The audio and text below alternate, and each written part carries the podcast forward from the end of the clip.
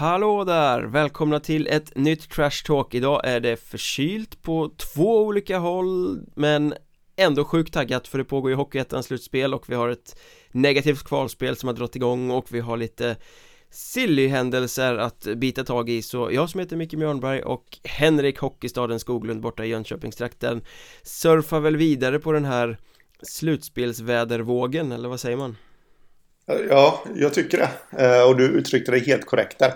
Det är fantastiskt väder att ha så varit. De hotade ju med att det skulle bli snö här eh, nere hos mig. Den här, denna måndag. Men det är ju strålande sol. Och eh, ja, nu är väl temperaturen upp mot 7 grader kanske ute. Så att det låter som veckans sjörapport. De hotar faktiskt fortfarande med det där snöfallet här uppe i, i Stockholm. Ja. Men vi får väl se det ska ju alltid vara något bakslag innan den riktiga våren kan komma och den ska väl komma till kvalserien kanske. Ja, vi får hoppas på det. Men vi kan ju börja någonstans eh, mitt emellan Stockholm och Jönköpingstrakten höll jag på att säga. Det är väl betydligt närmare Stockholm i och för sig Men det ligger längs E4 mellan oss. Nyköping snackar vi då Som gör en förändring på tränarsidan till nästa säsong. Efter eh, två år med Lenny Eriksson så väljer man att gå yngre eh, satsar lite modernare och har rekryterat Filip Algeman som den senaste säsongen har coachat Vigbyholm i division 2 men som vi såg i Hammarbys bås säsongen dessförinnan eh, Spontant, vad känner du om den eh, rekryteringen? Eh, spontant så eh, är att jag inte riktigt vet vad jag ska känna om den. Algeman är ett eh, oskrivet blad fullständigt för mig härvid. Eh, sen kan väl jag tycka om själva grejen där. Att man eh, väljer att satsa ut modernt eh, på tränarbänken i Nyköping. Även om jag också då vurmar för det här lite äldre och rutinerade. Så, men, men ja, det har de ju haft nu och det har inte lyft. Så nu testar de det här istället. Ungt och ja, någon som vill framåt. Så fräsch satsning på något sätt Ja men jag, jag, tror att det är helt rätt att göra så här faktiskt. För egentligen så var det ju så att Nyköping hade den här Storvulna satsningen med Fredrik Mellberg för några säsonger sedan Som inte verkade vara riktigt förankrad och som därför blev ett haveri. Det hade kunnat bli hur bra som helst men alla var inte med på tåget så det bara kraschlandade. Eh, Och efter det har de ju plockat in Lenny Eriksson för att liksom Stabilisera verksamheten. Det var ju det som var planen från början. Liksom hitta lite lugn i organisationen på något sätt. Planen var väl egentligen aldrig att han skulle kunna ta Nyköping till några högre höjder. Eh, Och jag tror det är helt rätt, nu har de fått lite mer lugn och ro, nu har de landat, nu är de ett mittenlag i Hockeyettan. Nu måste de ta nästa steg för de har ju sportsligt stått och, och trampat lite. Ja. Och då tror jag det är rätt vettigt att ta en modernare väg. Eh, Sen är ju Algeman fortfarande ung, ganska grön i sammanhanget. När han kom in i Hammarby så det hette ju att de skulle bygga långsiktigt och de hade inte mycket till lag. Eh, Som i många klubbar utan organisation så slutade det med kaos och han fick sparken där När de låg i botten och sedermera också åkte ur. Eh, Men det var väl egentligen inte hans fel Utan det var väl en klubb i kaos helt enkelt. Eh, ja. Sen tror jag att det här kommer ju vara en utvecklingsprocess för honom också. Så att man ska nog inte vända, vänta sig stordåd från första början men Det känns ändå som en fräsch rekrytering Mm, eh, det gör det. Och eh, sen ska det bli spännande att se vilket eh, lag man kommer ställa på isen. Här då, till nästa säsong. Det kändes ju väldigt intressant inför denna. Men det blev väl inte så bra som man trodde. Jag hade ju dem till allettan till och med. Mm. Mitt tips. Inför. Men nu får de ju behålla eh, Sören Dietz Larsen. Dunderdansken. Ja, så är det. Och Joakim Stjärn Svensson som ändå man har väntat lite på hans genombrott några år och det kanske inte kom nu heller. Men jo men jag skulle nog säga att det gjorde det för det, både klubben och han verkade acceptera mm. rollen Tidigare mm. har det mm. väl kanske varit så att man har tänkt att ja, men det här ska vara poängspelaren Varför mm. släpper inte för honom? Uh, nu känns det som att man accepterade lite mer att nej, han är faktiskt uh, gnuggaren, arbetaren ja. som är lite mer en joker och då blev det mm. bättre Sen tror jag att det kommer bli väldigt nyttigt för honom att få en säsong två i en och samma klubb. Han har ju varit i Dalen, Kumla och, och Nyköping här nu på senare tid och eh, eh aldrig riktigt landat i någon klubb. Eh, så det tror jag kan bli oerhört nyttigt för honom också. Så det ska bli spännande. Så att, eh, Eh, ja, sammantaget med Nyköping så känns det att det kommer bli spännande. Eh, jag tror, eh, har en känsla av att de kommer kunna ställa ett bra lag på isen till nästa säsong. Och eh, med Algeman och hans idéer där så kan det bli riktigt bra.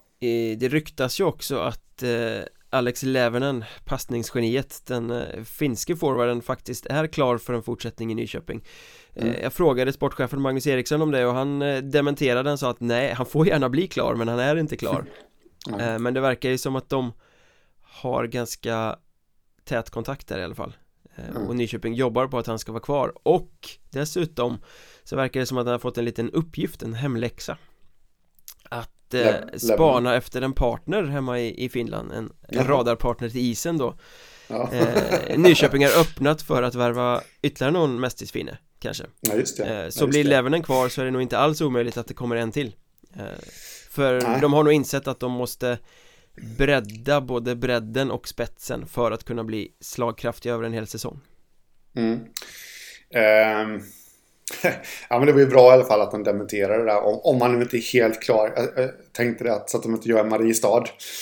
Uh, Jonas Allan, Allan eh, ja, är klar och sen bara lite där mellan raderna så han är inte klar. Han är klar Egentligen. men inte klar. Eh, kul att du nämner eh, Skaraborg för det är ju vårt nästa stopp på den här eh, genomgången av eh, silly-händelser. Eh, Skövde kom dyngjumbo i allettan för andra säsongen i rad. Det innebär också slutet på huvudtränarskapet för Fredrik Ljunggren. Han får inte förlängt kontrakt när det går ut nu i månadsskiftet mars-april. Och den kom väl ganska väntat? Ja, det tycker jag faktiskt. Han, det är en bra tränare men han, inte heller han har ju fått Skövde att lyfta när, liksom, när det verkligen gäller. Och då är det ju allettan jag syftar på. Eh, så de behöver någonting nytt. Han känns som en förvaltare på något sätt. En ganska trygg och duktig tränare för ett lag som ligger stabilt i mitten på Hockeyettan. Men kanske inte den här som krämar ut det absolut bästa ur en trupp och, och får det att överträffa sina egna eh, liksom vad de är kapabla att lyckas med. Känns som att Skövde måste ha någonting utifrån. Och då blev det ju väldigt intressant med det här ryktet som dök upp i Skaraborgs läns Allehanda som skriver att Staffan Lund den gamle Mariestadsprofilen ska ta över till nästa säsong. Mm. som just nu befinner sig mitt i ett brinnande slutspel med Vimmerby. Eh, ja. Den var ju intressant på väldigt många sätt. Eh, Ja, det, det, finns lite olika vinklar för den eh, Dels att det är Staffan Lund eh, eh, Just att han För det är lite så jag har tänkt också att det känns som att Skövde skulle behöva en mer rutinerad tränare som kanske kan komma in och ställa lite krav på hela organisationen. Mm. Eh, runt här. Och, och sen dessutom då hans koppling till Mariestad. är också väldigt intressant. Eh, på många sätt. Dels så måste det ju svida extremt mycket i Mariestad om han tar över Skövde. Eh, för eh, Mariestad, vi vet väl inte om Andreas Appelgren kommer att vara kvar där nästa säsong Mariestad söker dessutom en ny klubbchef eh, det har diskuterats, kan Staffan Lund eventuellt vara en man för den posten med tanke på att han ju var klubbchef i Lockerud innebandygänget alldeles nyligen eh, Och sen har vi det här lilla detaljen, det är svårt för Mariestads folk att lyckas i Skövde. Eh, Andreas Appelgren gjorde ju faktiskt ett försök. Det är ganska många år sedan nu men han tog ju över som huvudtränare i Skövde. Men då blev han ju inte kvar hela säsongen än så jag tror att det var så att han motarbetades lite internt för att det var svårt med någon med den tydliga Mariestadskopplingen att komma in och sätta sin prägel på det. Att det liksom det fanns eh, motstånd i kulisserna ja, då måste ju Skövde släppa den eh, prestigen eller, de de eh, personerna eh, i så fall ifall de finns kvar för här är det ju på något sätt, nu kommer jag vara jätteelak här, men på något sätt så har ju Skövde år efter år efter år bevisat att de har inte kompetensen internt. Det är väl inte att, att vara elak, det är väl att konstatera fakta. Klubben att lyfta. Eh, så, då kanske man behöver. Sen, sen kan jag förstå känsligheten i att man då plockar in från, ifall det nu blir så, en, en från värsta rivalen liksom med den tydliga kopplingen. Eh, men det passar säkert jättebra geografiskt och Lund har väl sin bas där liksom. Ja, han Skaraborg, pendlar så. väl ner till Vimmerby på något sätt Så att han ville väl Mm. hemåt sägs det ju Ja, Han själv kom pro, eller liksom fick ju svara på, på det här i Vimmer, dagens Vimmerby Då låtsades han inte kännas till det alls eh, Och Anders Lundström i Skövde till SLA sa ju bara att Det kunde han inte kommentera nej. Det var ingen dementi, det säger ju också att det ligger någonting i uppgifterna Ja. eh, Och eh, det var väl Anton Gustafsson som hade skrivit Och han har ju haft rätt förr Om, Mm. om Skövde-rykten Mm. Han är ju gammal spelare i både Skövde och Haninge Anchors Jag tror att det är den Mm. Anton Gustafsson i alla fall Som var en sån här Ja. riktig trash talk eh, kille som förstörde för andra Eh, Så det blev lite trash talk i tidningsrubrikerna nu istället Jaha. Eh, Men summa summarum, Staffan Lund skulle vara bra för Skövde Ja, det tror jag. Om Skövdefolket då släpper presti- prestigen, helt enkelt. Ja, det, det liksom får de ju se till att göra då Ja, ja, men så är det faktiskt. Hände saker i Sundsvall också Jonas Lindström fick ta över eh, som huvudtränare mitt under säsongen när de sparkade Thomas Högström Det började trögt men sen blev det ju faktiskt succé Och nu får han fortsätta Rätt eller fel? Rätt. För att Eh, han, eh, han har ju visat att han kan lyckas med Sundsvall. Här nu då. Och eh, då är det rätt att ge honom i alla fall en säsong till. För att förvalta det. Och eh, nej, det är min take på det hela. Det är rätt intressant organisation där De bygger ett ungt lag Jonas Lindström är en ung, grön, färsk eh, huvudtränare Och så Alexander Sten, den gamla NHL-krigaren eh, Som sportchef Kan bli något på sikt och så förlängde ju då Anton Gustafsson också Bågs son som har skolats om till back som han ska spela nästa säsong Om jag förstod saken rätt Eh, det, det, alltså, det är så härligt. Det är alltid då de där smarta centrarna som blir backar sen. När, han börjar komma upp lite till åren. Eh, det är lite samma sak med Tobias Eriksson. Eh, som var i Vallentuna. Vallentuna, ja precis Eh, nej, men Sundsvall känns intressanta. De hade ju sin säsong två här. Den här klassiska svåra andra säsongen. Som också började väldigt, väldigt svårt innan det vände Mm. Ja. Eh, så jag tror ändå att det finns en bra framtid där och med Sten Alexander är ju så pass hockeysmart, eh, rutinerad så det är klart att han ser någonting i Jonas Lindström här. Han har inte förlängt bara utav snällhet där utan de ser att det här kan bli bra på sikt. Sen är, sen är ju frågan hur mycket de kan tänkas eh, samarbeta med Timrå om de nu skulle åka ur eh, SHL Mm. För blir de kvar i SHL så Ja då är ju klubbarna för långt ifrån varandra Mm. Åker de ner i Hockeyallsvenskan så ja men kanske Att de kunde få lite draghjälp av Timrå det, det kanske är för mycket rivalitet mellan klubbarna för att de skulle samarbeta, jag vet inte men Nej, jag vet inte det. Eh, faktiskt inte. Så vet jag inte. Men äh, återigen, Alexander Sten är väl så pass smart så att... Och han kommer ju dessutom utifrån. Och det är ju han som kommer sköta de Ja, mesta kontakterna i så fall med Timrå. Och ryktena säger ju att även Timrå ska byta sportchef här nu. just det, Eh. Nubben är aktuell för HV71 Ja, så äh, det kan ju kanske bli nytt folk där och... Ja, att det blir ett samarbete. Jag vet inte. I skrivande stund leder Timrå med 1-0 i matchserien mot Djurgården ska vi väl säga Mm. Så det kanske blir... Eh, vi kanske får prata om något annat lag istället som kommer få lite hjälp av en SHL-klubb, typ Huddinge. Ja. Det återstår att se. Eh, Söderut så väljer Jesper Bergård att lägga skridskorna på hyllan. Det är väl bara att eh, bocka och buga och tacka för en fin karriär. Han blev aldrig någon större stjärna men har ju bidragit med hårt jobb och eh, mycket ledarskap. Han har varit Ja. runt lite överallt och avslutar i moderklubben i Enköping då. Det var väl fint på något sätt Ja, men det är ju en riktig... Det är en Hockeyettan-profil eh, på ett sätt liksom. Och eh, har gjort... Eh, närmare 300 matcher i Hockeyettan. Ja. Och eh, över 100 poäng. Så det, det är ju någon som alltid har funnits med så att säga. Och eh, som många gånger har sett som en... Wow, vilken värvning när han har bytt klubb liksom. Sen som du säger, det kanske inte, kanske inte har blivit den här riktigt stora stjärnan. Men ändå gjort sitt jobb. Men det känns som att det blir ganska mycket av den här varan lägga skridskorna på hyllan i, i Enköping efter den gångna säsongen. Jesper Cederberg går väl att bli någon sorts säljare hos Västerås tror jag. Mhm. Och Adam Rashidi har väl flaggat att vi får väl se hur det blir. Och Men det har ju varit en ganska rutinerad ålderstigen klubb som eh, Jag menar har gått ganska skralt sportsligt senaste åren Ja. och då blir det kanske naturligt att det tar slut för många spelare Även om jag Ja. såg att styrelsens sportsliga ansvariga sa till Enköpingsposten att de hoppas få behålla en kärna Eh, Mm. Jag kan väl tycka att man kanske ska göra rent hus och göra om och nytt med tanke på hur dåligt det har gått men Ja, jag håller med dig eh, där faktiskt. Men det man ska ge dem cred för det var ju att den här kärnan lyckades ju hålla dem kvar utan kval. Mm. Det var ju nära, ytterst nära.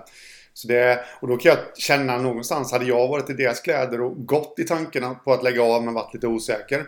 Så hade jag ju faktiskt slutat nu. Ja. För att man avslutade på något sätt på topp ändå. Ja men precis Och sen förlängde ju Henrik Marklund här också med Östersund Säsongen är inte slut men han har redan eh, bestämt sig för att, att fortsätta Ja, Som har bombat in poäng för dem den här säsongen Han är ju en av alla spelare som lämnade Hudiksvall för att hamna i Östersund Det finns någon, Mm. någon sorts kretslopp där mellan de där klubbarna Det är Hudiksvall, Borlänge och Östersund och så snurrar spelarna ja. Eh, Hudik valde att inte riktigt satsa vidare på honom och Östersund tackade och tog emot och Det är väl ett väldigt bra besked för dem För jag menar Mm.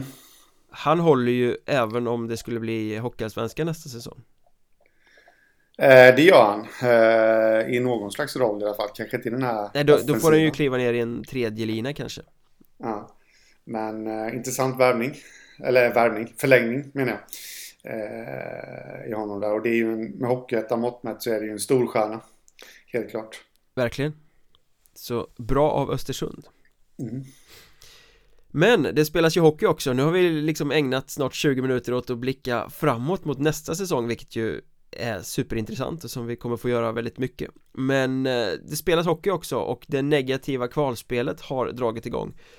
Jo, några smygmatcher i, i veckan men framförallt på söndag eftermiddagen så startar det ju allt. Och det finns ju några saker som är Ja men känns lite viktigare att lyfta här än eh, de andra, vi får väl anledning att gräva djupare i de här kvalserierna när det ska avgöras.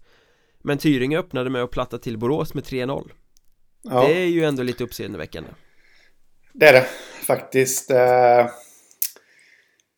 Borås som har gått fram som en, eh, ska inte säga att de har gått fram som en slottemaskin, men det är ju borde ha dem.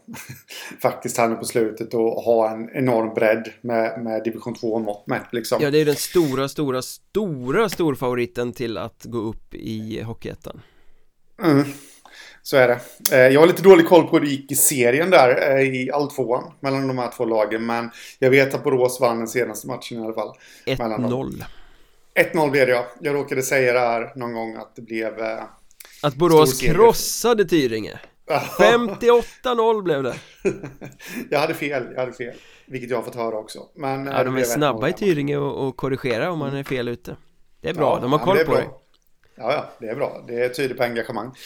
Men någonstans så känner jag att i den här kvalserien så är det ju Tyringe och Borås det handlar om. Nu fick Hanals en bra start, visst, när de slog Guts på Ja bortaplan. det var väl men- inte så oväntat att de skulle göra det i och för sig Nej, eh, jag tror ändå att det kommer bli Tyringe och Borås som kommer stå där högst upp. Så... Men det är klart att det sätter väl lite, lite press och lite tankar i skallarna på Boråsfolket såklart att, att de blir nollare dessutom Ja, mot Tyringe.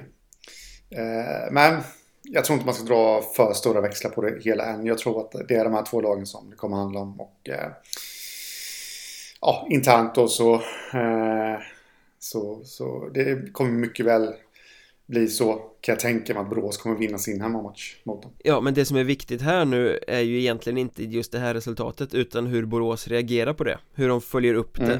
Eh, Vad Ja. som händer i omgång två Nu har jag inte kollat vilka de möter eh, Eh, Borås möter Kumla. Så Hemma de möter ju Hockeyettan-motstånd, jajamän, Ja. hemma. Och det blir ju en värdemätare. Visst, Kumla, vi har pratat om dem att de är inte riktigt vassa i år. Eh, men det är ändå Hockeyettan-motstånd.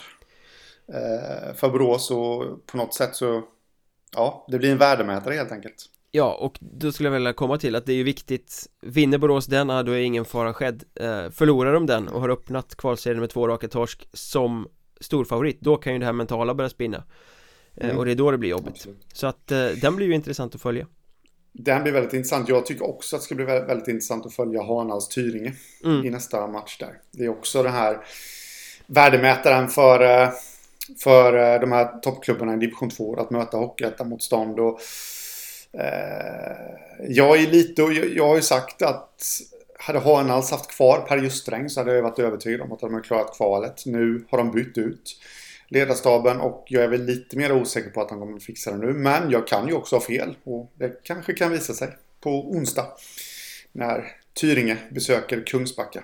Men kul att du nämnde Kumla för att Kumla Black Bulls var väl ändå det mest spektakulära som hände kvalsöndagen den 27 mars och då menar jag inte att de vann med 5-4 efter förlängning hemma mot Mjölby utan jag menar deras laguppställning hemma mot Mjölby där de hade huvudtränaren Robert Berg i tredje backpar och sportgruppens Jonathan Wordbrandt som backupkeeper Ja. Det är ju fantastiskt underbart att man kastar in både sportchef och tränare i line-upen i, i liksom laget när hela säsongen ja. ställs på spel. Eh, Det måste man säga. Eh jag, jag vet inte. lite tunn trupp, absolut. Men eh, det, det, det, är en charm på det hela på något sätt. Eh. Ja, det blir ju liksom Hockeyettan ut i fingerspetsarna på något sätt. Ja, det blir det. Det, det känns ju, ska man översätta det till fotbollen så blir det ju lite division, division 5 nordvästra liksom. Lite så. Eh, Småland där att eh, det är spelande tränare och det är ordförande som hoppar in och, och kör lite som forward och sådana där saker. Eh, nej, så det, det, det var spännande, eh, uppseendeväckande faktiskt.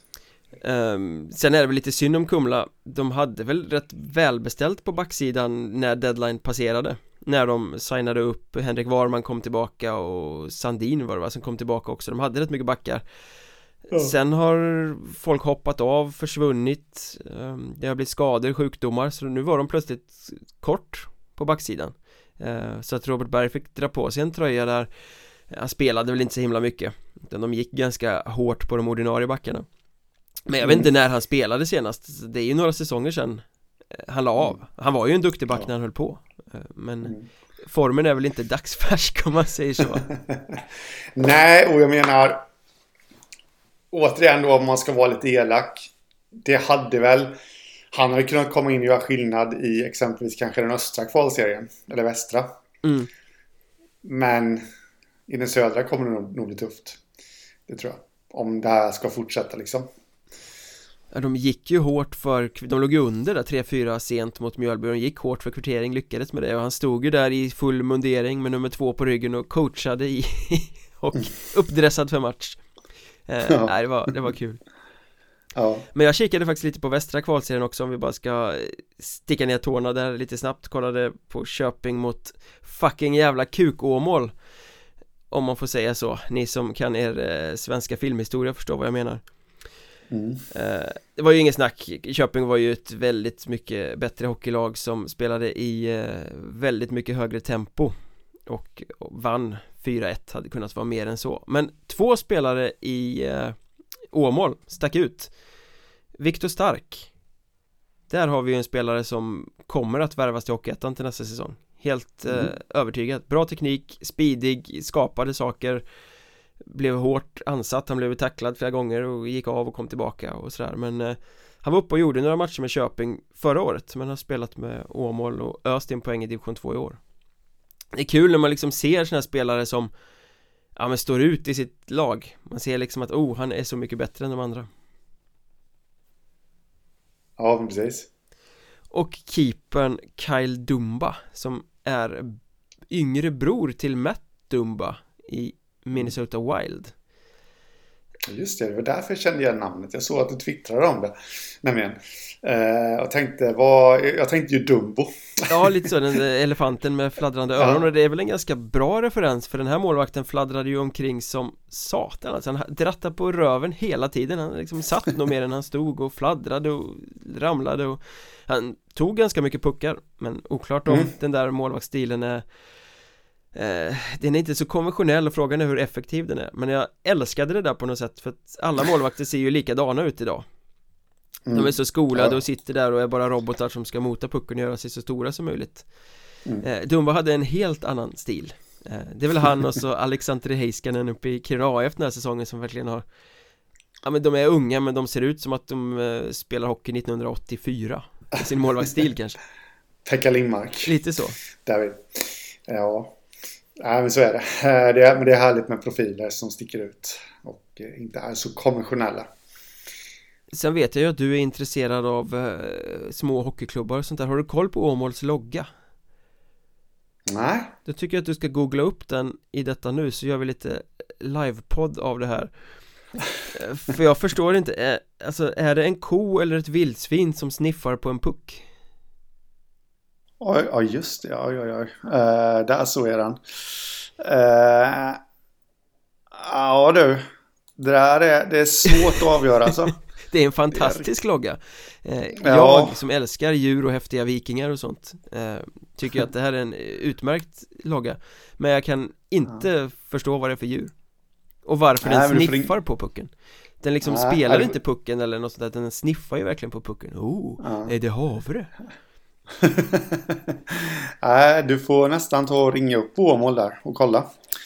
Eh, jag tänkte att vi skulle ju... Du sa ju att vi skulle ta den västra kvalserien lite snabbt där. Men jag, jag skulle faktiskt vilja nämna lite också bara om den norra. Ja, varsågod. Den är avgjord. Den är mer eller mindre avgjord nu. Känns det som. Eh, Kiruna IF och Vännäs har dratt, ifrån Ja, IF har mosat SK Lejon två gånger och Vännäs har mm. mosat Eller ja, det blev ju sadden i andra matchen Men de har slagit Kovlan två gånger mm. Och det blir väl och... samma sak när de byter motstånd också Och sen så kommer Kovland och SK Lejon få spela träningsmatcher mot varandra Ja, lite så, lite tråkigt faktiskt Jag trodde nog ändå att både Kovland och Lejon skulle kunna hota det här men Eh, de har tagit det här på helt rätt sätt, Kiruna och Vännäs där. Att eh, de åker ner och gör sitt jobb i den här kvalserien. Så det lär väl kanske inte bli något skifte i norr. Ja, allting hänger ju nu på då hur det går för Östersund, eller vad säger jag, Östersund, Örnsköldsvik i den östra kvalserien. De ja. slog ju Haninge Anchors 5-4 i första matchen, men skulle de åka ur så innebär ju det att Hudiksvall, om inte de går upp i Hockeyallsvenskan, kommer puffas upp i norra serien till nästa säsong. Mm, det kommer de. Och eh, Skulle Hudiksvall kanske... gå upp i Hockeyallsvenskan då blir Strömsbro puffade till norra serien. Mm.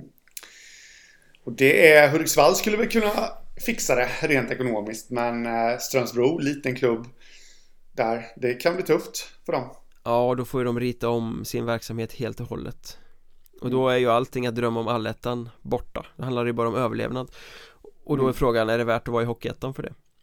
Nej. Men det är ett ämne för en eh, framtida podd kanske Det är det, är Kvartsfinalerna Nu har vi mm. hållit eh, lyssnarna på halster väldigt, väldigt länge nu så att det är väl dags att avhandla de här fantastiska slutspelsserierna som avgjordes i veckan Det blev lite skrällar Men det det. jag tänker att vi kanske ska ta det från start till mål Börjar i Varsågod. den första matchserien och eh, tar oss igenom det och Boden slog ut Wings med 2-0 i matcher Och det var väl det minst eh, oväntade i hela den här eh, kvartsfinalhettan eh, Ja, eh, det måste jag säga. Det, det, hade man ju kanske räknat med att Boden skulle vinna med 2-0 i matcher där. Eh, Wings ändå stretade ju på rätt bra och drog första matchen till, eh, till sadden där och ledde till och med eh, under ordinarie tid. Mm och satt lite press på borden. Men eh, borden är borden, kvitterade. Ja, vad var det? Det var några minuter från slutet där. Viktor Sandberg. Ja, sen fick de inleda sadden i, i powerplay och tog tillvara på det. Mm. Så att eh, det, var, det var väl också där vinstchans låg. Kan man tänka sig. I match 1 på hemmaplan. Ja. Eh, även om vi resonerade likadant kanske inför eh, det här playinet mot Teg. Jo men det var ju där... superimponerande det de gjorde mot Teg Men man gör ju inte det två gånger och framförallt inte mot Boden, alltså, det är ju skillnad på Teg och Boden i, i klass. Ja. Boden är inte där de var i fjol men de är fortfarande ett mycket, mycket bättre lag än vad Teg är. Ja. Så 2-0 till Boden, inte mycket att orda om. Eh, Vidare till en semifinal och ja, det, det återkommer vi till Väsby slog ut Lindlöven men där blev det ju krångligare än eh, vad som var tänkt Lindlöven tog ändå mm. första matchen Ja det gjorde de och eh, ja, det fortsätter ju lite det här ofoget som Väsby håller på med. Att det är lite nonchalant, det slarvas och eh, de är inte riktigt eh, konsekventa. De, de, har inte blivit den här maskinen som jag faktiskt trodde att de skulle bli. Nej, de var ju eh, väldigt bra i, i bortamatchen, hade full kontroll på händelserna och sen svackade lite. Och så kunde Lindlöven vända matchen och vinna. Mm. Ett riktigt topplag får ju inte skänka bort dem där När man Nej. har matchen där man ska ha den Man liksom kan kontrollera den Då får man ju inte slarva bort det Nej det är väl lite det, jag vet inte riktigt hur man ska ställa sig eh, när det kommer till det. Hade det varit Nybro som hade stått motståndet så hade man kunnat förstå det på något sätt. Men ett riktigt topplag ska inte sätta sig i den här situationen mot Lindlöven. Nej men det är det jag menar, alltså ett topplag mot ett topplag, då kan allt hända. Men när man är mm. det starkare laget mot en sämre motståndare Det är då man inte får börja svikta sådär. Nej, nej men så är det.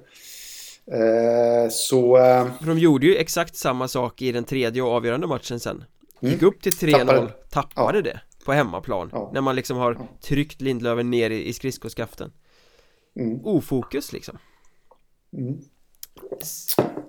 Tvingades dra den matchen till eh, sadden Där då, där det Väl egentligen kanske hade kunnat sluta lite hur som helst Ja, nu Lindlöven hade ju inte ett enda skott på mål i och för sig Det tog ju bara Fyra minuter drygt innan Lukas Föjk Japp Eller Fök, vad säger man? Ja. Fök tror jag uttalas. Ja, Lukas ja, det är svårt det där. Ja, eh, lyckades klämma dit eh, segerpucken där då och tog Väsby med ett nödrop till semifinal. Men det var med ett nödrop också. Ja, men om vi backar bandet lite här så vill jag ändå föra till protokollet att jag tycker att Lindlöven slarvade bort det här. För de hade vunnit hemmamatchen. I det läget har ju de Alltså det här i sin hand. Väsby ja, eventuellt lite stressade över situationen inför returen match 2 I det läget tycker jag att Där måste man ju gå ut och gasa, där måste Lindlöven gå ut och visa Vi bestämmer. Spä på den här osäkerheten hos Väsby, göra att det blir liksom lite mentalt jobbigt. Men Lindlöven klev ju ut till match 2, backade hem. Skulle typ försvara 0-0 såg det ut som. Mm. Vilket innebär att de eh, gav bort massa yta.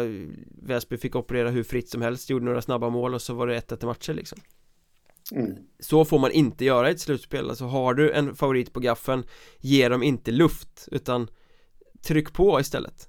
Uh, Så att det är liksom Jag tycker Lindlöven bjöd in Väsby i matchserien. Så de får skylla sig själva att de åkte ut. Eh, Då har de lärt sig det till nästa år Lindlöven. Men det som är snackisen från den här matchserien är väl egentligen inte att Lindlöven slarvade bort eller att Väsby gick vidare utan Målet som tog tredje och avgörande till sudden death Lindlövens 3-3 puck Som Ja Den var på linjen Låg pucken Ser man på tv-bilderna väldigt tydligt Domarna är typ i mittzonen men dömde mål mm. eh, Till stort förtret för Väsby där hela deras säsong Stod ju och eh, hängde på det här målet egentligen Hade Lindlöven mm. avgjort sadden så hade det blivit ramaskri eh, För mm. den där pucken var ju inte inne Och då är frågan, hur kan man döma mål När eh, liksom man inte vet? Och jag, Nej. det är ju någon i Väsby, jag tror att någon på kansliet eller sportchefen eller någon hade ju tagit en skärmdump på när Väsby står och har pucken på mållinjen och man ser liksom positionen på domarna Eh, mm. var de befinner sig och de är ju långt från målet, långt från situationen, det spelar emellan Det går inte från den positionen där de står att vara 100% säker på att den där pucken är över linjen och jag antar då att Lindlöven-spelarna jublar som besatta De samlar och... som en klasig italienska fotbollsspelare runt domaren Och jublar och försöker påpeka att den är inne Ja Och det är klart att domarna går på det Kanske Eh, men det är, nej. Man måste ju vara säker på att pucken är inne, helt klart. För att kunna döma mål. Ja men borde det inte vara som i en rättssal? Det måste vara utom alla rimliga tvivel. Mm. Och eh, befinner man sig på fel sida isen och det är oklart så finns det väl en liten gnutta tvivel. Ja, det, det borde finnas det. Och eh, vi har haft den här diskussionen innan om domarbeslut och alltihopa där. Men där, där måste de vara starkare, eh, känner jag. Ja, men jag kommer ju bara tillbaka till det här eh, Vimmerby-Troja förra året. De tar ett matchstraff ja. på en Vimmerby-spelare som inte existerar. ja. Men det, det, får, det, får, inte bli så här i, i uh, slutspelsmatcher. Uh, man får inte åka omkring och gissa saker. Framförallt inte när det, alltså, Väsby har plöjt ner massa pengar i sin trupp. Gjort en satsning över en hel säsong och så skulle de riskera att åka ut på ett mål som inte är ett mål. Mm. Nej, det hade varit stor skandal faktiskt. Det hade det varit och eh, ja, men det finns. Jag vet inte riktigt hur organisationen ser ut där, men det är väl regions... Domarna är väl tillsatta regionalt va? Eller är det centralt? Jag vet faktiskt inte. Nej, faktiskt dålig koll på det. Ja, eh, men där får ju domarbasen ta tag i det eh, lite grann och eh, stävja jag vet, jag såg... Eh, jag såg en diskussion där om målkameror. Att det är inte dags att införa det också i Hockeyettan. Men det är ju en kostnad som inte finns. Det finns inte pengar till det. Och... Eh, eh, alltså det, det, jag... det är billigare och både mer underhållande för publiken att säga till domarna gissa inte än att installera mm. målkameror och ha granskningar till höger och vänster av en massa skit. Mm. Det vill vi absolut inte ha i Hockeyettan. Nej, så är det och jag kan väl känna att det har blivit lite... Alltså kolla på en fotbollsmatch numera. Det är ju bara varavbrott liksom. Ja. Uh, ja. SHL-match, Hockeyallsvenskan-match. Nej, vi måste granska det här. Ju ja. mer sådana där verktyg det finns, desto sämre blir domarna för de vågar inte ta beslut. Och jag mm. kommer tillbaka till min käpphäst med linjemännen här. Det är en mm. jävla massa frågande av linjemännen hela tiden. Är mm. det någonting som är superoklart? Frågar linjemannen inte diskussion hela tiden. Jag har sett flera matcher bara nu i slutspelet huvuddomaren tar utvisning, eh, står nära situationen, har järnkoll, armen kommer upp, man säger bara, men det är bara att ta den. Ändå blir det en diskussion med linjemännen som tar en massa ja. tid och så ska de stå där och ha sin lilla gruppfika i, halvmånen vid seket liksom. Så eh. sjukt trött på det. Döm bara liksom. Eh, jag... Eh... Nej, jag håller inte med det där. Jag tycker faktiskt att domarna ska ta hjälp av Men inte, de tar ju hjälp av solklara saker som de har sett. Är, är, det, är det oklarheter? Ta hjälp, självklart. Men de behöver inte åka och diskutera varenda jävla domslut med linjemännen. De får för, men... Linjemännen får för mycket makt, helt klart. Tror inte du att det har att göra med sociala mediers eh, framfart här? Och ändå lyckas domarna de döma vet. fel, det är liksom så här fantastiskt. Jag tror att det har lite med sociala mediers framfart. Det blir ju jag, jag får för mig att domarna har blivit osäkrare. Ja men det har de ju. För men, men, de vet att de Men det blir ju inte bättre kommer. av att de liksom inte vågar lita på sin magkänsla. Jag tycker Nej. att domarna får onödigt mycket skit. Jag tycker oftast att domarna är mycket mm. bättre än de får cred för. Men de blir sämre när de frågar sina linjemän hela tiden. Det, alltså, ja. våga ha cred, ta, ta ditt beslut liksom. Mm. Ja, det är klart att det sätter ner statusen lite. Det är klart att man, spelarna märker det också. Och tränarna. Eh, när, när, oj, han är visst osäker, domaren här. Och då blir det kanske lite lättare att sätta lite press. Omedvetet. Ja, men ska linjemännen vara så inblandade så då får vi väl göra alla tre till huvuddomare då? Att de har samma mm. status. Ja, eh, just det ja. Så är det. Det blev ett sidospår men det kan ju vara nog så intressant. Vi hoppar vidare till Surahammar mot Huddinge. En matchserie mm. som Huddinge tog ledningen i men som Surahammar vände och vann med 2-1 Och eh, man ska ju aldrig förvånas eller sluta förvånas över Surahammar Men det trodde jag nog nästan inte efter den första matchen. Eh, Jag var på plats Nej. i Björkängshallen och såg den faktiskt och eh, Surahammar var väldigt bleka det var rätt uppenbart att oj då, nu är vi i slutspel, hur hanterar vi det här? Eh, de, de var liksom inte där. De hade inte den mentala eh, förberedelsen för att spela den matchen. Och skapade i stort sett ingenting själva på egen hand. Huddinge kunde ganska komfortabelt vinna med 4-1 i en jättedålig hockeymatch. Men mm. Surahammar åkte hem och vände på det. Det är ju väldigt mm. imponerande Ja, speciellt imponerande just med tanke på eh, första matchen där. Där han var bleka och alltihopa. Och sen hamnade man sig i underläge 0-2 eh, rätt snabbt mot eh, Huddinge. Eller rätt snabbt, men, men ja, eh, mot slutet i alla fall av den första perioden. De är underläge med 1-3. De är underläge med 2-4. De är underläge med 3-5 på hemmaplan. Ja. Men lyckas ändå i den sista perioden komma ikapp till 5-5. Någonstans så... Det påminner så himla mycket om eh, första matchen för säsongen. Där mot Borlänge. Ja, just det. När, när det faktiskt var att Surahammar... Det var ju där de startade sin succéresa egentligen. Ja. Redan där. Eh, eh där det också blev en upphämtning och, och vinst sen. Eh, påminner lite om det. Så nu, nu blir man ju lite... Ja, vad ska det här sluta egentligen? Eh, igen då. Sen var det återigen en, en rätt jämn match i match tre där. Ja, fast det var ju ändå Surahammar som var det lite bättre laget tyckte jag Som vågade ta mm. för sig i den lite mer ja. eh, Sjuk grej ändå att eh, Match 1 och match 2 var identiska målskyttar Tim Kämpeberg gjorde 1-0 till Huddinge Anton Kalte gjorde 2-0 till Huddinge Adam Karlsson re reducerade till 1-2 för Surahammar Exakt samma ordning i första perioden på den första och andra matchen. Eh, Rätt svårslaget. Det är bekvämt för oss som gillar att eh, dagarna ser likadana ut. För en sån som mig som aldrig kommer ihåg vem som har gjort vad så är det ju Väldigt bra, ja det var nog så. Eh, Sen var ju Lukas Söderlund väldigt drivande i upphämtningen i match två. Mm. Han är ju den stora stjärnan men jag vill ändå flagga lite för Adam Karlsson. Ehm, tycker han är väldigt sevärd Väldigt viktig i mm. Surahammars offensiv Med sin speed och teknik mm. Eh, så det borde pratas lite mer om honom faktiskt mm. Känns lite som en sån som gör mycket i skymundan också Där Ja precis Du hade tippat att Huddinge skulle ta den här eh, Jag hade ja. faktiskt tippat att Surahammar skulle ta den här mm. Men även om jag hade tippat så så känns det ju lite Ja men det är ju bara att lyfta på hatten för att succén fortsätter. Och ja, ja, för Huddinges del, det, det som också präglade den här matchserien som inte präglade så många andra matchserier är att båda lagen kunde spela ganska sorglöst i de två andra matcherna. Surahammar var ju tagna av stundens allvar i den första. Men i match två och tre. Framförallt i match tre Att de vågade spela ut. Och det kändes liksom så här, ja men Det här är ju rätt kul.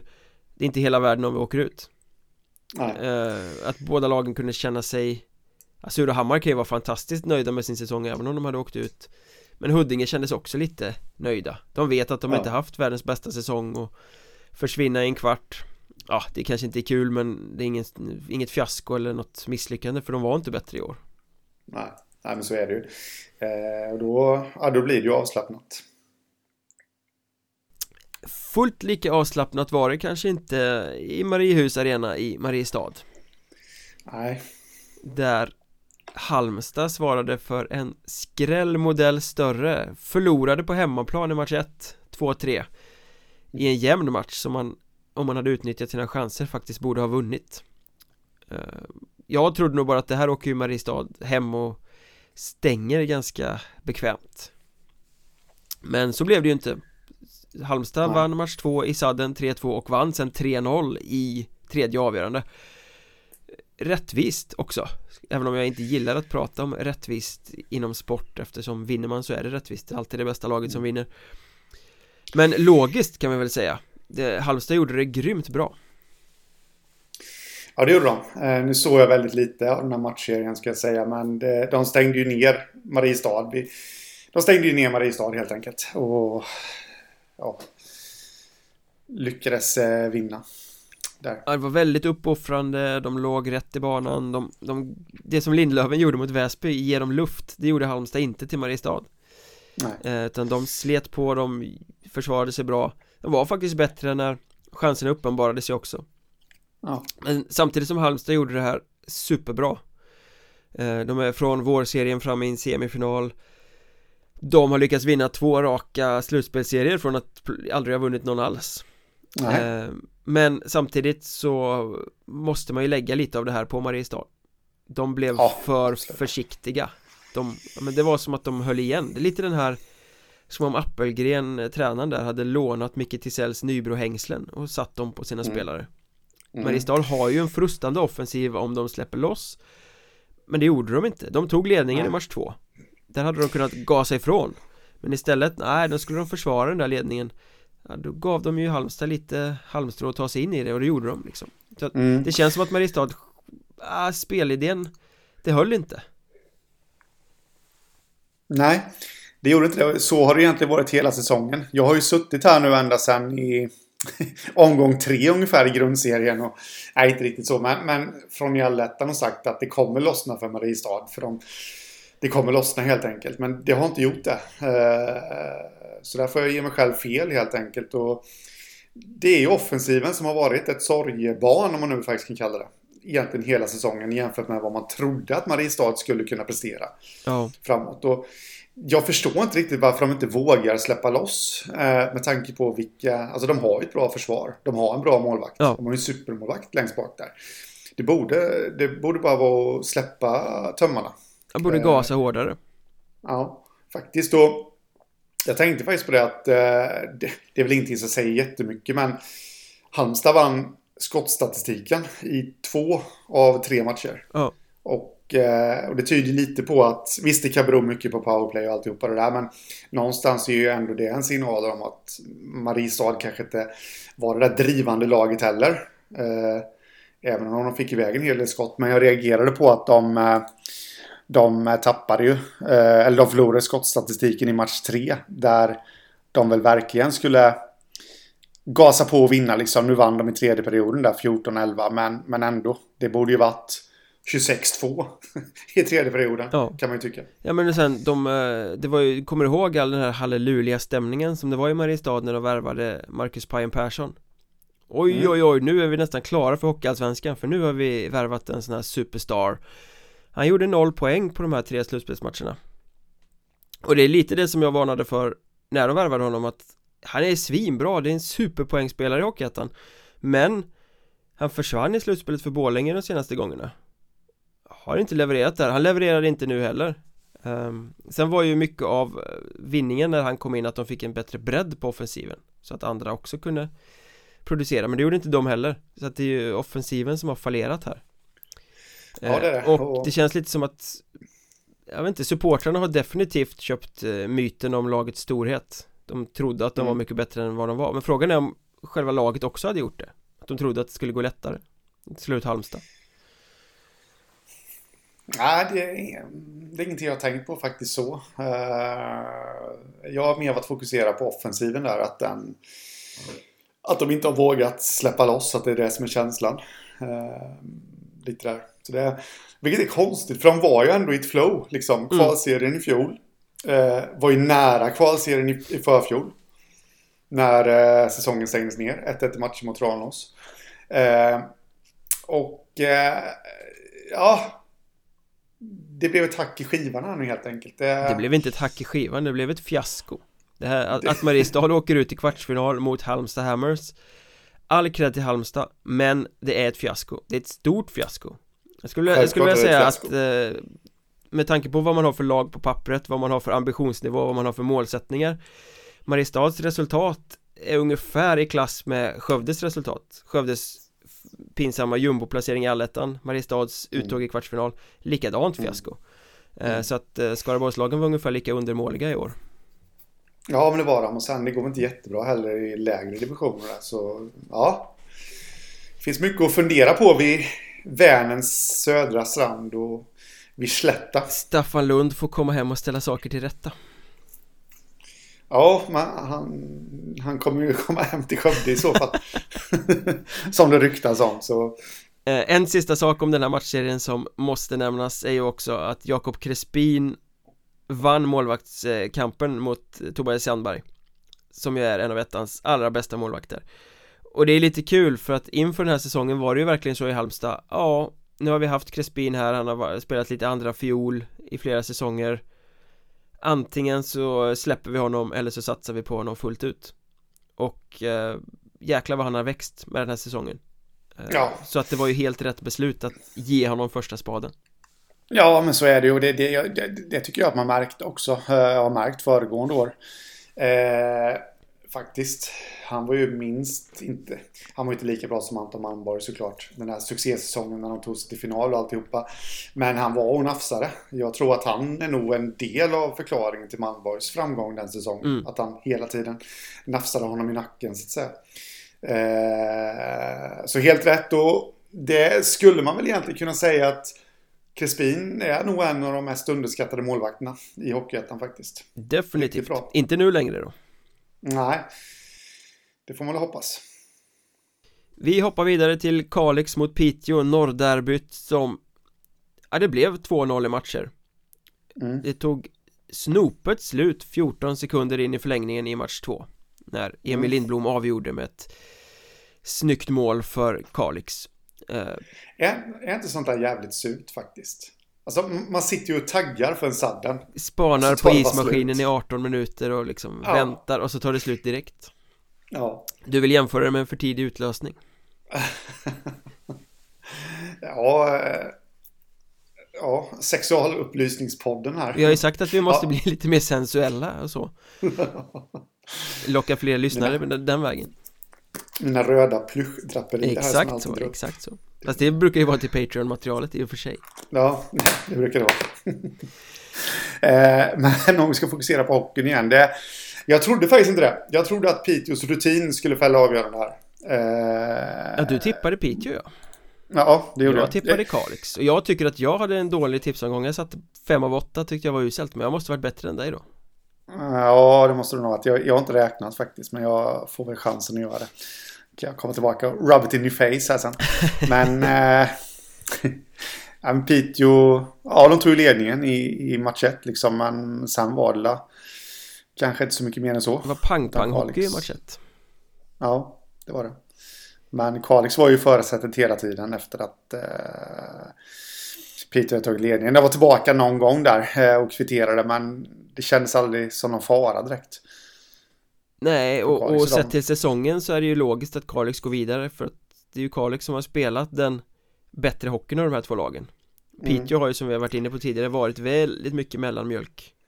Ja. Um, så att det är väl logiskt Eh, det var ju kul att Kalix liksom hittade tillbaka till lite Det var ju lite upp och ner i allettan men att de hittade tillbaka till den här frejdiga offensiven Att de verkligen vågade gå offensivt mm. Inget sånt här fegande och hålla tillbaka och sådär som andra lag har gjort i slutspelet utan här De gick för det Och de tyckte det var mm. kul att gå för det Såg man ju också på spelet Det är det som är så häftigt med Kalix också att de, de har gjort sig kända de senaste säsongerna för För att vara det här defensivt skickliga laget eh, vi kommer ihåg Rifalk exempelvis har ju stått där och det har varit andra målvakter också som har gjort det riktigt bra. Medan de, den här säsongen då har verkligen satsat på offensiven och kanske släppt lite bakåt då. Men det har gett dem framgång. Så det, det är kul tycker jag att man vågar. Eh, det hade varit så enkelt att hålla fast vid, vid det här gnetandet. Men kul att man vågar släppa loss. Nu blir det ju Östersund i semifinal eh, och semifinalerna kommer vi återkomma till i Patreon-materialet eh, lite längre fram här eh, Men det kan ju nämnas också att det finns ju potential för underhållning där också för att Tidigare under säsongen har ju Kalix och Östersund spelat väldigt, väldigt underhållande matcher Så mm. fortsätter Kalix på det här spåret så blir det kul att titta på också Ja, absolut eh, Vad säger vi om Piteå då? Nej, trött, tröttare, tröttast eh, Det mm. sa jag om Enköping tidigare under säsongen i, i tre perioder Det här Hockeysveriges videomagasin Mm. Jag känner lite samma om, om Piteå faktiskt De här äldre, jättebra spelarna som inte blir bättre men som fortfarande ska driva laget Utan att det finns så mycket mer bakom Det känns lite trött, alltså Det måste hända något i Piteå mm. Jag har ju jämfört, jag slänger mig gärna med, med min egna lilla käpphäst att Jag jämför ju Piteå med Huddinge Det blir lite, lite sämre för varje säsong och, och det hänger nog samman kanske lite med att de här bärande spelarna blir eh, såklart ett år äldre för varje säsong mm. Eh, man bör nog, jag, jag vill nog gärna se liksom Isaksson och gänget kvar i Piteå för jag tror att de ändå är nyttiga. Men de bör nog ändå satsa på att eh, bakom där fylla på med en ny kärna, liksom en, en spetsigare kärna. På något sätt. Eh, spetsigare bredd. Oh. Där i Piteå för, för, att det ska kunna lyfta. För annars är nog risken lite att det kommer, ja, vi pratade om det förut, Sundsvall. Känns intressanta. Eh, vad händer om eh, Hudiksvall inte går upp och Örnsköldsvik åker ur? Ja, då, det kan bli så att Piteå kommer bomma allettan ja, till absolut. nästa säsong. Eh, så de bör nog göra någonting. Ifall de vill vara med och slåss i toppen. Ja, det, det är stagnation där. Och jag har väl lite känslan mm. när du nämner både Huddinge och Piteå att det här kan ha varit en sista dans för många spelare. Mm. Så kan det vara. Vi hoppar vidare till Karlskrona och Vimmerby mm. En av matchserierna som tilldrog sig mest intresse eh, Vi snackade om det förra veckan Hur kunde de välja Vimmerby? När de hade Strömsbro att välja på eh, Och eh, ja, alla utanför Karlskrona tänkte ungefär likadant och det visade sig att alla utanför Karlskrona hade ganska rätt För Vimmerby slog ju ut Karlskrona 2-1 i matcher Var det bättre laget i samtliga matcher Skulle jag nog vilja påstå Mm. Eh, jag var ju en av dem som ändå inte tyckte att det, var, det här valet var så himla mycket att hänga upp sig på faktiskt. Å andra sidan så hade du ju fel i allting också har vi ju konstaterat. eh, men alltså att Vimmerby, match 1, åker och slår Karlskrona med 8-2. Ja den såg man ju inte komma riktigt Nej. Visserligen var det Karlskrona som åkte till Vimmerby men det är ju en petitess ja, i sammanhanget Ja, det är en jättepetitess eh, Karlskrona får ju skämmas för den matchen och gjorde också. De bad väl till och med om ursäkt om jag förstått det rätt i fansen. Det är ju en annan sak också i och för sig som jag kan tycka att man inte ska behöva göra men det kan vi ta i en annan podd istället. Ja. Men, eh, eh, men det känns någonstans som att redan där så, så var matchserien förlorad. Alltså en usel tredje period ja. av Karlskrona där. Visst, de vann match två. Men det, det satt ju hårt inne. Ja men det har ju, eh. Vimmerby har ju bitvis haft lite problem med målskyttet. Att då bara låta dem ja. göra åtta kassar i första matchen. Snacka om att ge luft. Ja, nej men så är det liksom och, eh... och det är inte så att Vimmerby får sämre självförtroende av att varken Mika Järvenen eller Martin von Schultz stoppar badbollar. Nej. Nej. Så är det. Eh, Men det jag känner så alltså, Karlskrona måste De måste göra någonting nu. Jag har ju jag har ju faktiskt pekat på det här eh, två säsonger i rad nu. Jag har inte för mitt liv begripit varför de inte ställer ut en full trupp i oktober. Nej. Eh, nej, då, då kör de liksom, ja, de har spetsen och de har liksom nivån under det där. Men sen i fjärde kedjan, ja, då är det meningen att J20-spelare ska alternera. Och ja, det är rätt tänkt. De har ett superelitlag. Förlåt mig, J20 nationell, vad det nu heter eh, lag. Och det är klart att man ska utnyttja det. Det är ju en konkurrensfaktor deluxe för dem. Men de J20-spelarna kanske ska hoppa in när det uppstår skador. Ja. Man kanske inte ska bygga på dem från början. Och, eh, jag vet inte om det liksom är eh, anledningen till att det har gått som det har gått. Det låter jag vara osagt, men, men nej, Sundlöv måste ju faktiskt eh, tänka om lite där. Eh, nu är han bara skyldig till en säsong, ska sägas. Men eh, nästa säsong så räknar jag med att de att de krutar på rejält från start här Men eh, till den här säsongen så sa de att de byggde laget mer på karaktärer Ändå mm. så svalnade de betänkligt när det blev upploppet i allettan när de faktiskt hade hugg på en andra plats Ett lag fyllt med karaktärer torskar inte med 8-2 i en slutspelsmatch Det får Nej. liksom inte hända och sen åker ut 2-1 i matchen mot Vimmerby det står ju inte riktigt rätt till.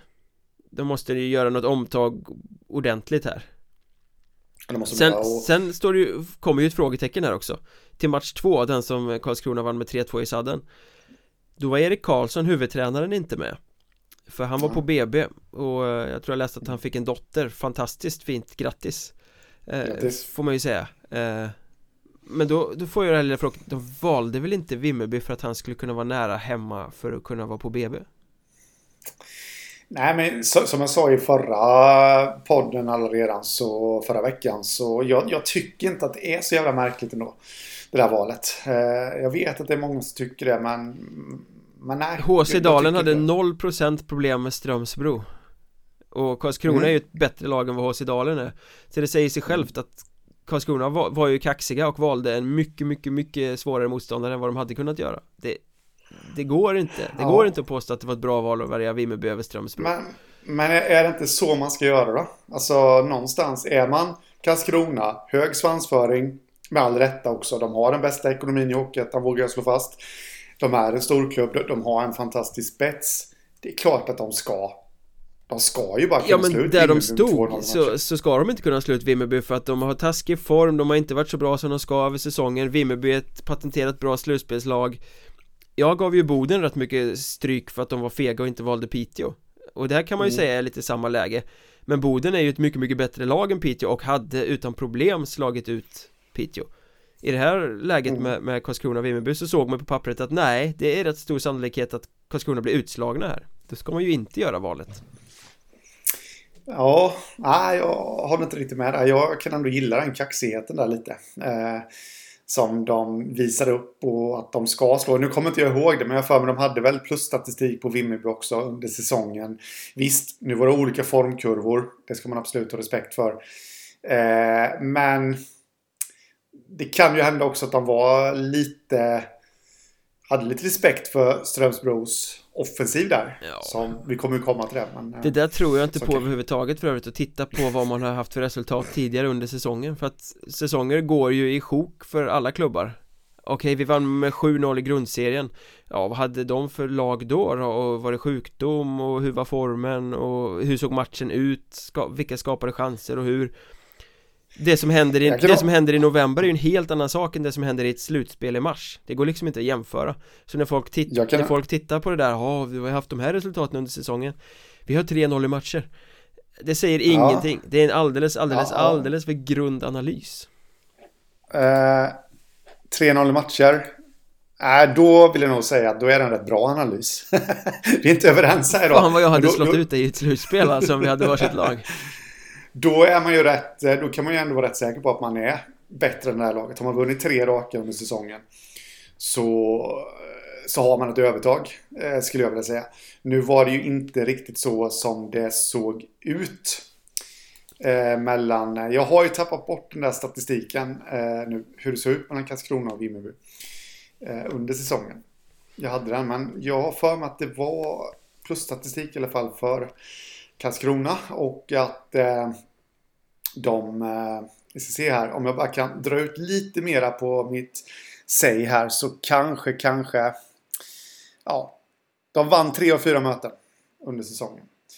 Jag kan känna att det är ett övertag då. Men, det, men det är ju dessutom, eh, ska jag gå på din linje där också då, så borde man kanske haft lite mer respekt för formen. Ja. Det kan jag hålla med om. Men äh, jag tycker inte att det är helt Men oavsett vad man tycker Så uh, Karlskrona med svansföringen, med ambitionsnivån Ute i en kvartsfinal Där man dessutom har hemmaplansfördel Fiasko. Ja, självklart. Vilket fiasko är störst, Karlskrona eller Mariestad? Ja, den är svår faktiskt. Ganska lika eh, stora fiaskon kanske. Ja, skulle jag nog säga om man bara ska kolla storlek på klubbar och, och liksom resurser och allt det där så är ju Karlskrona såklart större men eh, eh, Men ändå liksom om man bakar in allt så skulle jag väl nog säga att de är lika stora ungefär. Eh, jag har ju väntat på att det ska lossna för Mariestad.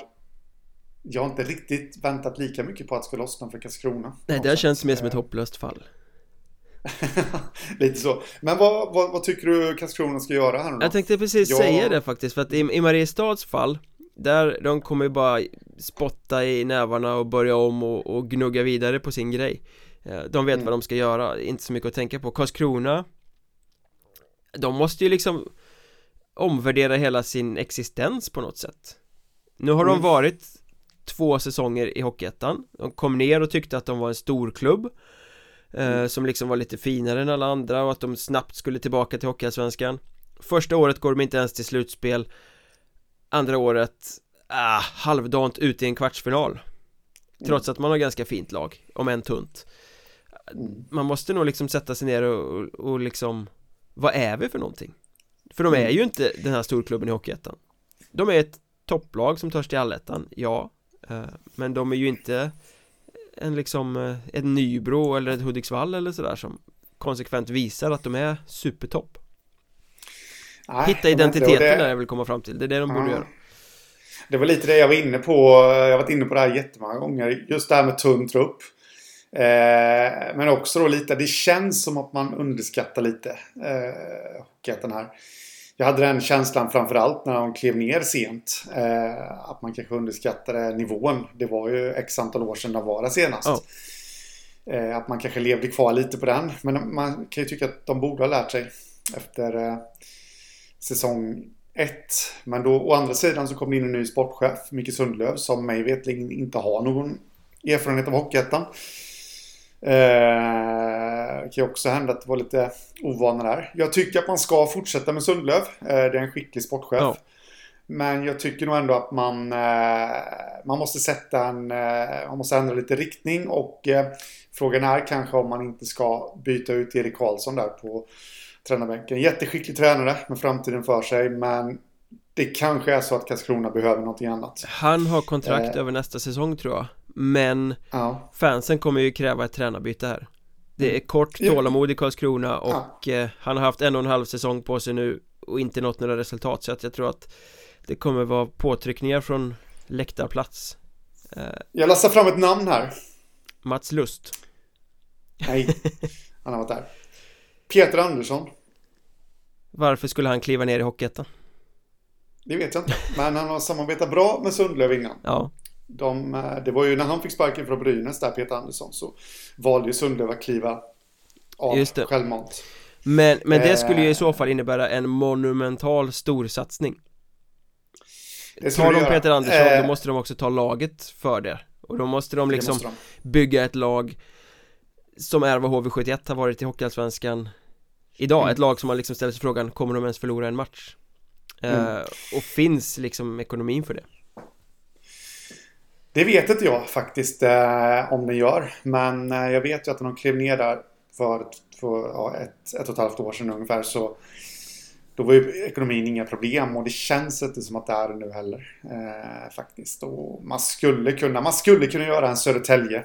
Som de gjorde när de åkte ur Allsvenskan. Dammsuga det bästa som finns i, i ligan liksom. Ja, ja men precis. Eh, det tror jag. Och eh, Peter Andersson, för att återgå till honom då. Han är ju... Eh, jag tror att han är bosatt i Malmö. Jag är inte helt säker på det. Men det känns som att han har sin bas där och det är inte jättelångt dit. Det kanske det är i och för sig. Det tar alltid så lång tid att åka bil i Skåne. Men det är, ändå, det är ändå närmare till Karlskrona än vad det har varit i Gävle ja. innan. Så att, eh, jag tror inte att den är helt otänkbar faktiskt. Eh, liten reset för eh, Peter Andersson också. Som kanske haft lite, han har haft lite jobbigt här. Mm kicken från Brynäs Nu blev det inte så många ord om Vimmerby här men de gjorde en Nej. väldigt stark matchserie och är ju kvar i slutspelet så vi kommer få massa tid att snacka mm. om dem framöver så. Ja uh, och det ryktas ju då om att uh, Staffan Lund försvinner därifrån som tränare så jag vad tror du om Peter Andersson? Jag kommer lansera honom på allt här nu, alla klubbar som söker tränare. Håsedalen slog ut Strömsbro med 2-0 i matcher. Jag trodde nog mm. personligen att det skulle bli lite tajtare och att Strömsbro faktiskt skulle ha en möjlighet att, att ta den där matchserien. Men Pelle Gustafsson och Håsedalen bevisade mig fel igen. Eh, Jag måste sluta underskatta Håsedalen känner jag. eh, Eh, du var ju på plats och spanade Var det så kassaskåpssäkert som eh, det såg ut på siffrorna? Nej, det skulle jag inte säga att det var eh, Första tio minuterna, där match två i Smedjehov så tryckte Dalen tillbaka Strömsbro rejält och med viss hjälp av, jag tror att de hade två powerplay där också i början, men då, då kände jag liksom oj, det här kan räcka riktigt långt för Dalen. Är de så här bra? Men sen så tappade de lite det där momentumet. Eh, resterande delen av matchen.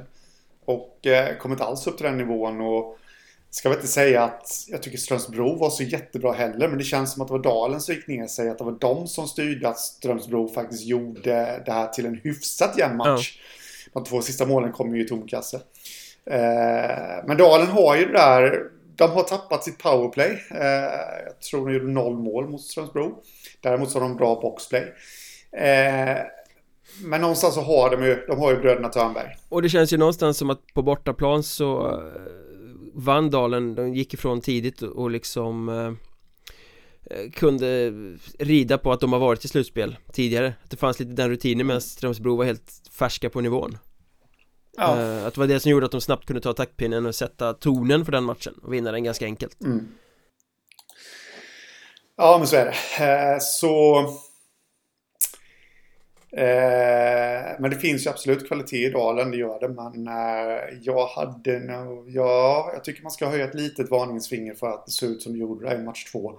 Å andra sidan så gjorde de det de skulle för att gå vidare. Lustig liten detalj från match ett, att den blev ju försenad för att Plexiglas var trasigt Och det Mm. fanns inte något eh, reservglas i hallen så de fick åka till Valbo och hämta ett Så det var lite palaver där, hur ska vi göra? Kommer vi få igång matchen?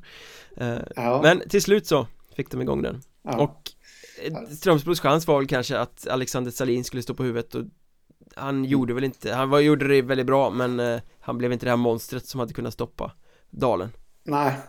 Nej, han gjorde det helt okej. men, men Dalen, alltså det, det var återigen där med Strömsbro. Det var, det var försvarsspelet där lite som, som brast. Inte tillräckligt resoluta. Jag tycker inte att de var så himla...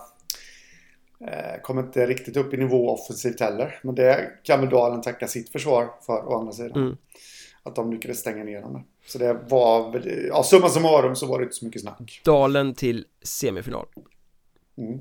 Och den sista kvarten då Borlänge, Visby, Roma 2-1 i matcher till Borlänge Det var överraskande eh, Både till förhandstipsen och till hur matchserien faktiskt såg ut. Eh, Mm. Första matchen vann Borlänge borta 3-0 Visby fick väldigt mycket stryk av sina egna supportrar på att de eh, inte orkade ta sig in på kassen, att de inte tog kampen. Det var ett mjukt och mjäkigt eh, Visby. Ja, lite oväntat. Sen avslutades den matchen med slagsmål och grejer.